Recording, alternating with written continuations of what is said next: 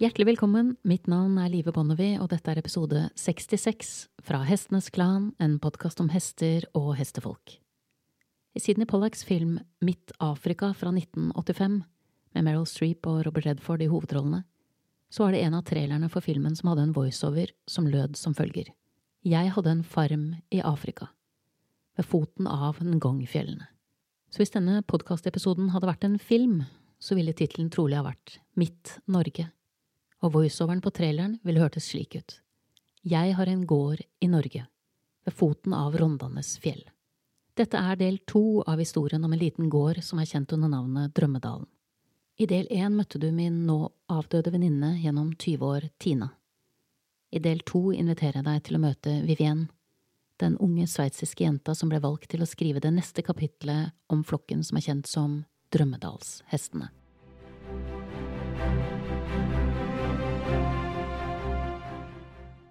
So, Vivian, we are um, in Dream Valley, and I've uh, come to ask you to tell the story about how you ended up here. So, um, where would you like to start? It all started actually with me finishing high school and uh, wanting to do nothing else but a gap year. And that's what I did. And uh, in this gap year, I kind of asked myself what were my dreams because I kind of have forgotten during school time. And um, it didn't have space. And in this year, it came out. I really wanted to see the wild horses. I wanted to see horses how they live without humans because I've always been with horses and I've gone through a lot with them and a lot when I finished school because I didn't have to anymore myself and I could give the horses more liberty and freedom. And uh, so this wish came up and I was scrolling on the internet wanting to book a, workshop in Bosnia with these wild horses and uh, I was in this web page and I tried to click the button and it didn't work. And I was getting a bit angry. I was like, oh, my dream. I want this so dearly. and uh, it didn't work. And I scrolled over this web page and uh, then I came over a photo from two horses in, in the Norwegian landscape. And uh, my eyes immediately stuck to this picture. And I read the short text below and it was about an artist living in Norwegian countryside uh, near a national park, living vegan, uh, practicing yoga, and uh, I was just reading through, and I felt like this is the place to go. This is what I feel like. What is calling me out of my core, and I wrote to this woman Tina, and uh, she wrote back, and I was like, "When can I come?" And uh, then I think three weeks later, I stood in front of this broad wooden bridge with my suitcase. And uh, at this moment, I had this thought like, what am I doing here? I'm here for a month now. I've never been away from home for so long alone. And uh, I was like, did I think well about that? no, I didn't. and I walked over the bridge and the thought was gone. And I just felt like coming home and coming home in a way that I've never experienced it before. And it was diving into a life so close to nature, really like soaking up every cell with with what I've missed so much during my school time. Being in nature, being with horses, smelling like forest, chopping wood, carrying hay. Um, and I arrived here, and from the first day on, I could have cried endlessly while thinking about I have to leave this place again. And that's how Dream Valley got me. so it was an instant, it sounds like my first uh, meeting with Iceland. Mm. Once you arrive, it feels just like this is home. Yes. Yeah.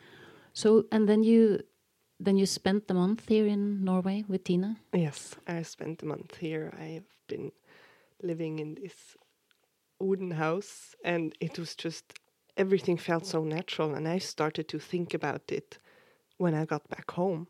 Because till that time, I, I used to journal every day. And from this first month, I don't have so many writing written things because I was just living and I was just enjoying and feeling like I'm I'm needed here and uh, I have a task to do finally I have a task to do and um, that's what I've been missing because I've been studying so much I was like where to go with it what to do with it and here I finally found somewhere to go and something to do So it sounds like finding finding purpose and finding your true self in a way, the way you describe it. Yes. I kind of, I mean, I found myself, but it was like life just served me a huge big task because what do you do when you found yourself and you return to a life that doesn't really fit anymore? So when you got back to Switzerland from Dream Valley the first time, what would you say would be the biggest change or, or maybe the biggest shift in you? It was my way of looking at the world. I came back and I've always been, uh, through my whole school time, horses kind of carried me on their backs uh, beside and they've kind of guided me the way. And my biggest wish, wish was always to to connect with this animal.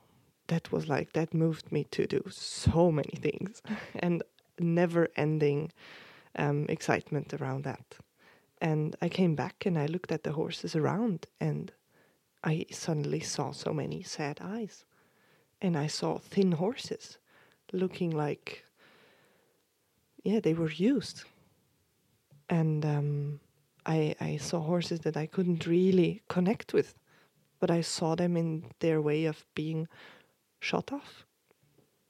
And uh, I've been living right next to a horse stable, and I've been looking at horses the whole day. And that was pretty, you know, sometimes you see what you see when you suddenly saw something else. And that's what happened when I came back. And that was kind of a crisis because it was not nice to see that.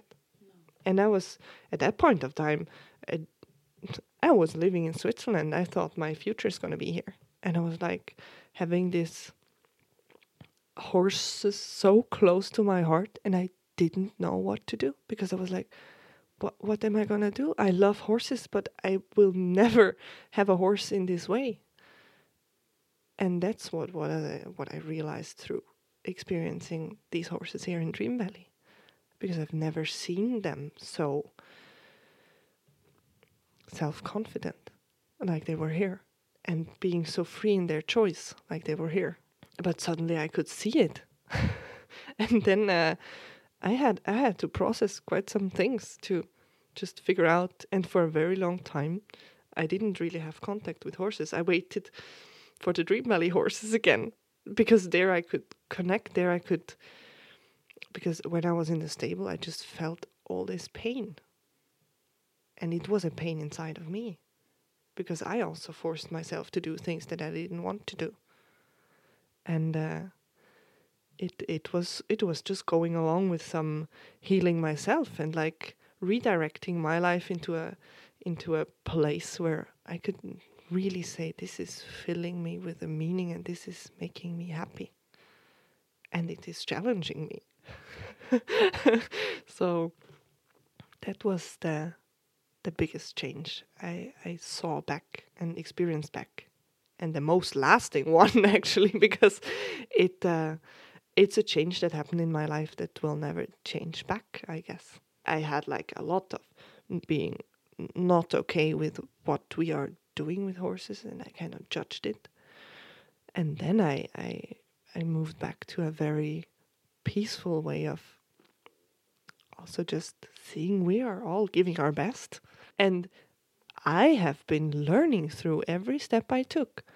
And it's not up to me to judge that, but to just go and to just remember what is there inside of me that is moving me.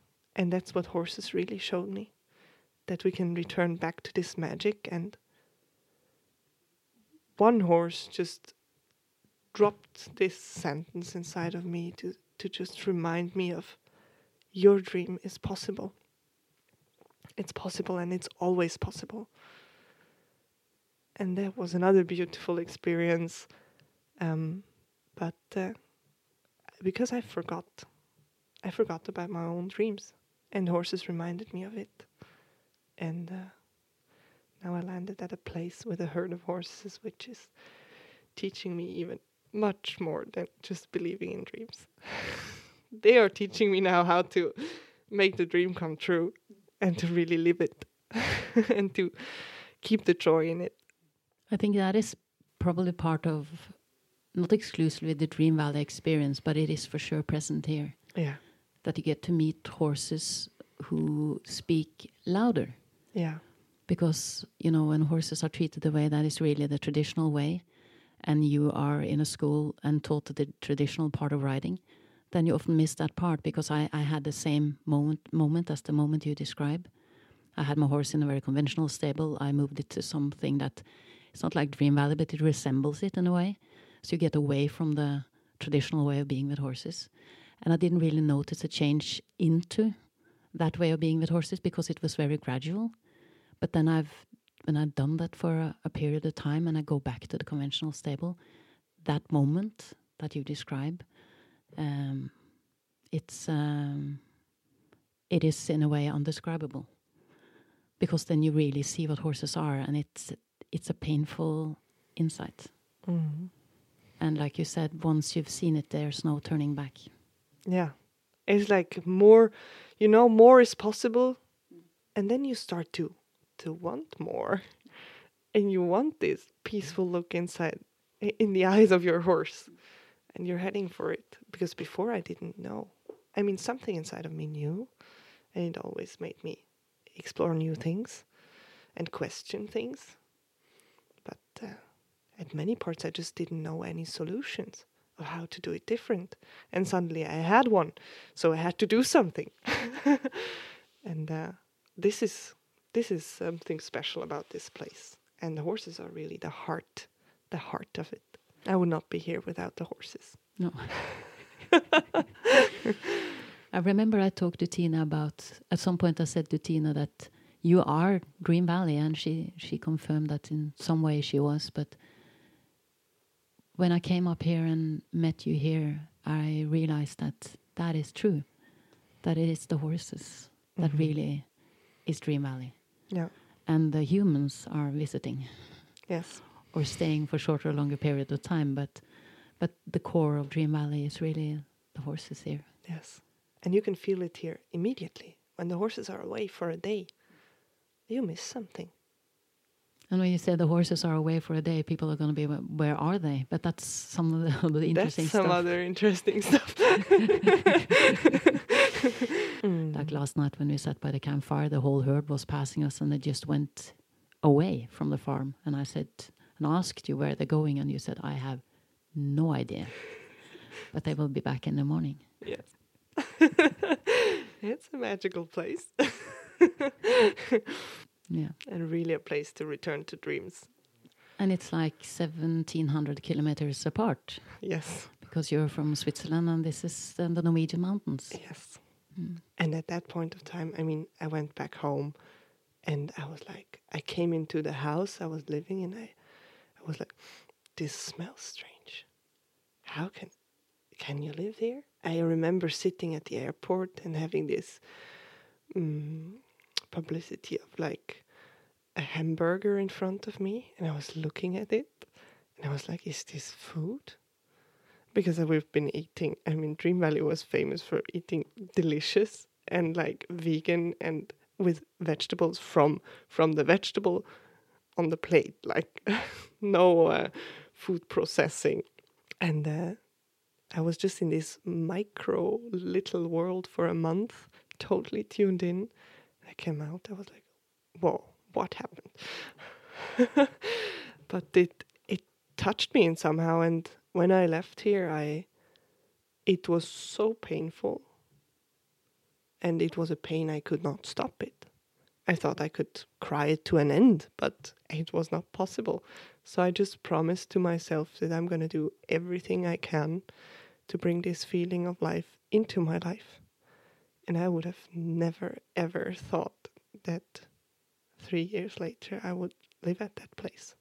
Can you tell me about how that happened?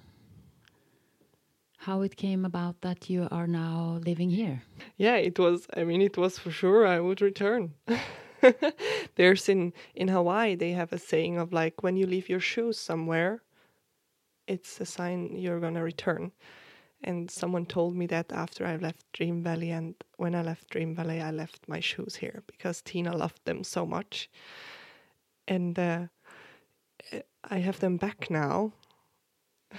and I, I left them here for her. and uh, yeah, then I returned in summer 2019. So it was like the first summer was my summer to kind of wake up. I was like, whoa, I can go for something in my life that really sets me on fire. and I kind of found something that had the power to do that. And so, summer 2019, I was here with a friend and we were working a lot and just being very practical in this life, really helping Tina to get the, an easier way of living because she had kind of a hard time at that summer. And uh, that really worked to bring some lightness to this farm and that was yeah that was so nice. And of course i also returned summer 2020 against all covid restrictions by then. And uh, i was here with tina alone like for two weeks. And uh, on the it was already uh, we've had seen it coming because we've been texting over the time where we were not together here. So the first evening, I needed quite some time to to you know realize I could actually move some part of my life to Norway because I it was not possible before in my brain. I was like, moving to Norway, what? Can I move to another country? and uh, then I told her the first evening, I was like, Tina, you know, I could imagine to to live like half or like eight months of my life in Norway. Would really appreciate that. Would it be possible to have part of that here on this farm? she was, yes, of course. So I'm also gonna just be very open with you. Uh, do you want to take over in some in case something happens to me? So she then already asked in this way of, what if I'm not here anymore? Because that was the most important thing that something was running on in case something happens to her, as if she had felt it coming. And uh, then we were, the plans were to, to be here together. To, so I would take over the horses and the farm business, and she could do art because I, I love her art, and it would have been such a beautiful thing to to support her in that. And I was like, first I was like, wow, I can, I told her directly, I cannot imagine living here the whole year. she was like, this is no problem. You can go in winter when it gets too tough. Or uh, we even move the horses to somewhere else and it, it will be all fine. You know, she tried to make it as easy as possible for me to just say yes. and, um, so I was like, yeah, let's let's do that. And but at the same time, some something inside of me felt that or knew that Tina was not going to be here anymore when I move here. And something new that um yeah that life had another plan. And we were talking about, yeah, doing it together and making a contract and everything. But uh, I always felt this huge responsibility when we were talking about it. And I had like two very intense weeks because I got like a preview of what is going to come. And that was very intense. And at that point of time, no one knew that she was sick. So I was feeling kind of strange, but it felt so true, and I didn't question it because, yeah. So you were here spending the two weeks with Tina, neither of you knowing that at that time she was seriously ill. Yes. And then you got back to Switzerland. Yes. And what happened then? I mean, before I got back, I told her, "Yes, Tina, I can imagine that. Eight months a year, and we were going for that." And then I, in the summer, I traveled by ferry, and I remember I've been driving away on this ferry, and I've been looking at this country, and I was just like, "Why am I going back?" This it felt so strange, and the same thing was when I came up. I was like, there I need to go. It was just like a magnet just pulling me here. And many things about it, I just slowly get to understand why. And then I got back to Switzerland and I had like kind of a hard time to to adapt again and and uh, also my my parents could see it. They saw like she's having she belongs somewhere else now. So uh, yeah. And then pretty fast it, it all developed. And with every it, i was growing into these big big shoes that were offered to me. And i still feel like they're big. But it's it's coming. And the more i grew into it and also a bit like was forced growing into it um, the more it turned out that tina was was leaving this world. And that was like, it feels like we've reached each other a hand and just agreed on creating together. Like, I feel like uh, she handed over a beautiful project, beautiful message that I can really share and handed it over to uh, the next generation. Yeah. So a beautiful place and a herd of horses. Yes. All of a sudden. Yes. So I've been dreaming of that. But I thought I would have it at the age of 40. And then life came and said like, yeah, why why wait 20 years if you can have it now? yeah. My dream of, of of visiting the wild horses came true like 1 year after I've been here. So I've been to Bosnia with Tina together, and we visited these wild horses.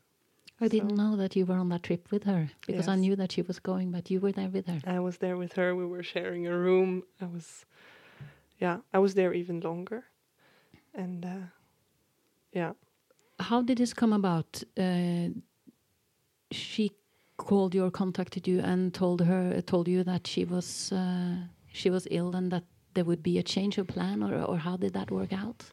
you know, Tina until the very end. She was about to. I'm going to heal. That's what she said, and I mean, I never told her, Tina, you know, you're gonna die. That never. I just saw her over this WhatsApp video chat, and I knew what is happening, and I. Yeah, uh, something already saw it in summer because for me, she had this kind of. I've seen someone dying of cancer before, and I don't know, they had this kind of look. And I saw this look on Tina, and when the diagnosis came out, I was like, oh, that's what I saw. And um, we, I was just supporting her. The, the only thing I could do was really going to myself and feeling like I'm gonna I'm gonna move this on in my own way and finding my own strength and sweet spot.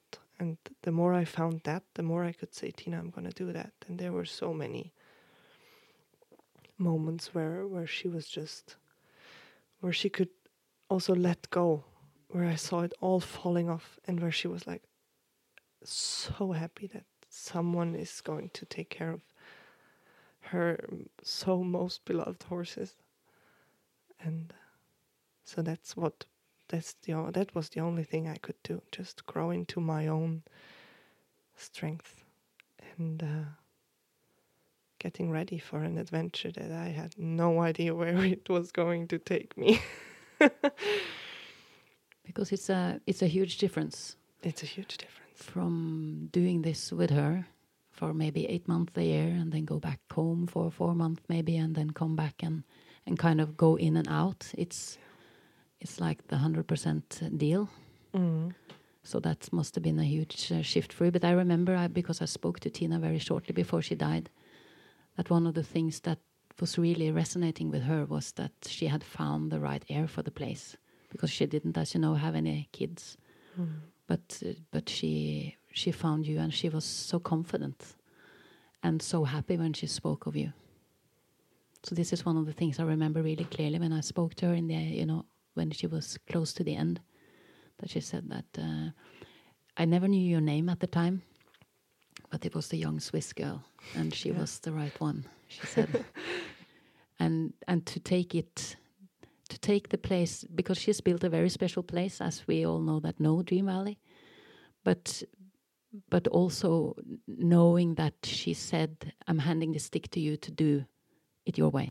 It really felt like she felt confident. You're gonna do it different, but it's gonna be the right thing to do. Mm. So that, uh, to me, as a friend of Tina, that was really comforting to know that uh, there is somebody coming that she knows is the right one for whatever that means. Because you know what it, this is going to be, it's going to be up to you. Yeah.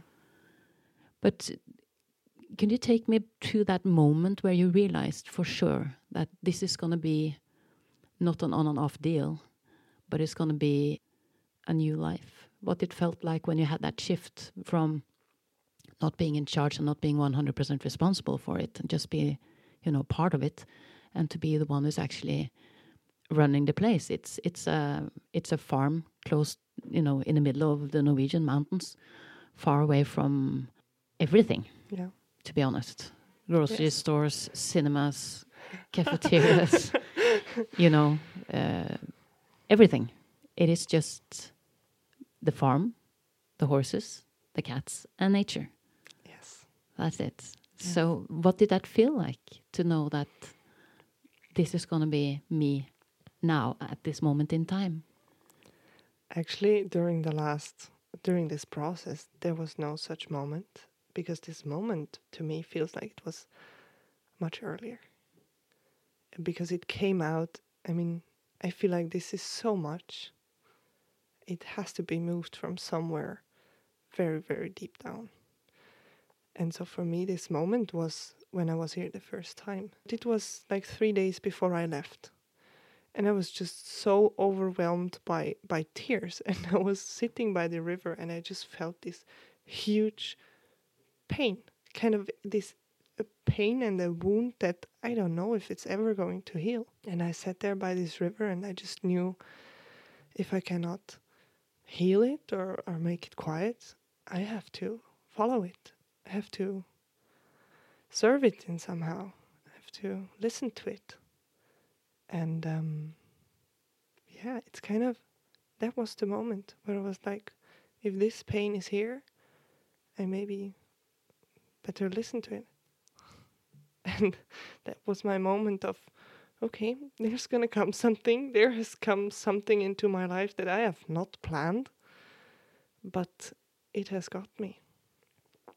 And there, this line for me of us as a, in a modern world choosing, steering everything, heading for something where this is really fading into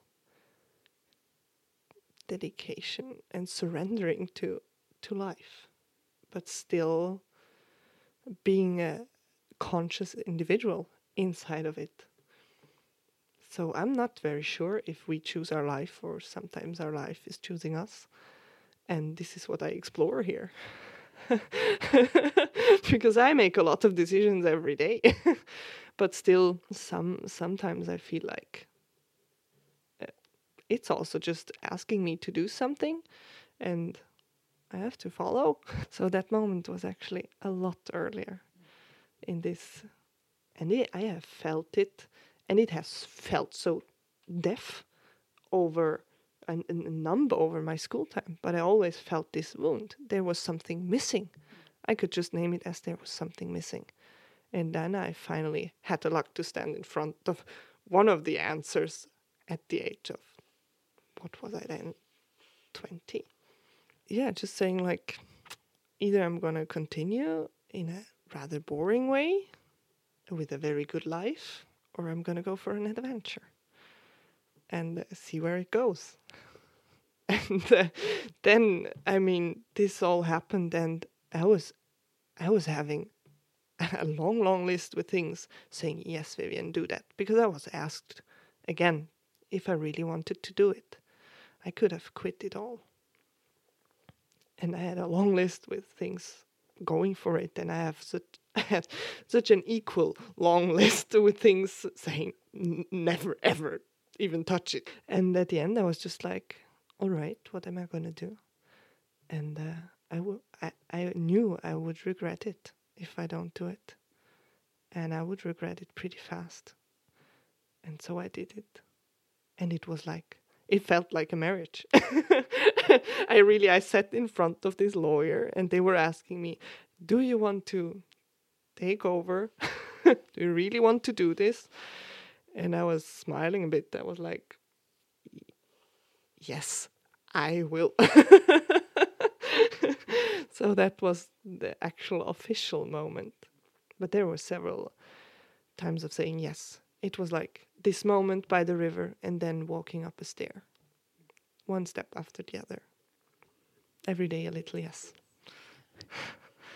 It's a huge leap of faith, I think, for a girl your age living in Switzerland, traveling 1700 kilometers north to a place like this not like we Norwegians says, not having even experienced winter here.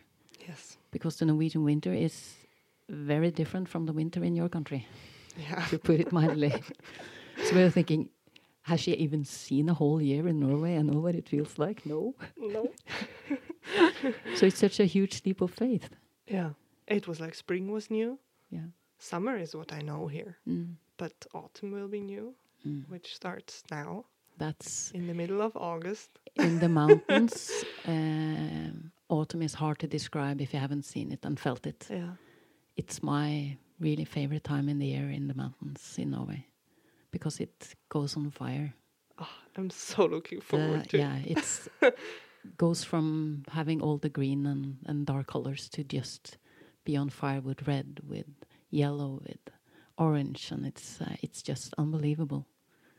Wow. So I'm uh, looking forward to hear what you think about that. And then Yeah. after that comes winter, which is um, which is dark in a very special way in Norway because this is quite far up north. Yeah. So it's it's going to be long nights and short days, but the light is going to be something you've never seen before.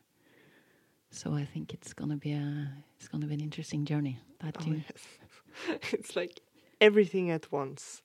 Like, I mean, three of four seasons are new, and one of them is very long. And uh, yeah, it really, at that point, I'm very happy I'm only 23 because I'm just open for it. and just let's see where it goes. yes. So at this moment, it feels like and looks like you are home. Yes, I am. I mean, I drove here over a road I never drove before. And maybe you know this feeling when you drive home as a child and you're already sleeping at the back and you've been driving this road so many times, you know which uh, which movement the street is going to make. And I drove this street and I had exactly this feeling that I had as a child when I drove home. And I drove over a street where I've never been driving before. And that felt very special. You have just then followed your dream. I have followed the dream.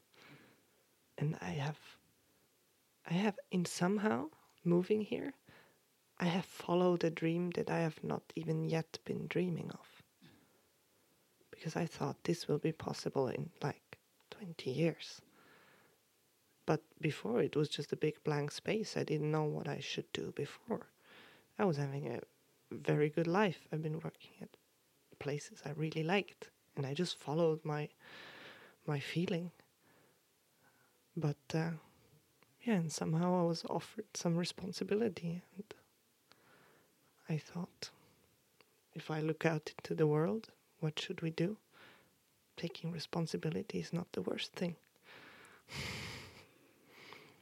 so I went for it. I feel I need to come back and talk to you again later. Yeah.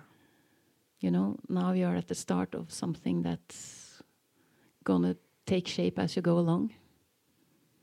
And it would be very nice to come back and talk to you after a while to see uh, where the journey has brought you. Yeah. If that would be okay. Absolutely. so um, yeah, to me to me the journey feels like it has started with the dream of wild horses. It has brought me to a dream valley that made a dream come true that I have not even really been dreaming about, but that was ready inside of me, and it showed me that uh, real life starts when the dream comes true. Then that is where the show starts. and I'm looking forward to share how it goes on. Yeah, I'm really looking forward to hear the continuing of uh, of this journey. Yeah. So should we make a deal that I'll come back sometime after winter, during winter, or something? We'll figure it out. Yeah. But uh, let's let's make it a deal that at some point you call me and say, "Now we're gonna take that second talk," Yes. and then I'll get my gear and pack my car and come. Yes. Thank you ever so much for this talk, Vivian, Thank you. and I wish you all the best of luck with the place and the horses. Tusen takk. Du har nettopp hørt episode 66 fra Hestenes Klan, en podkast om hester og hestefolk. Takk til Vivienne, og takk til min faste komponist Fredrik Blom, og sist, men ikke minst vil jeg takke deg, kjære lytter, for tålmodigheten. Måtte hesten for alltid være med deg.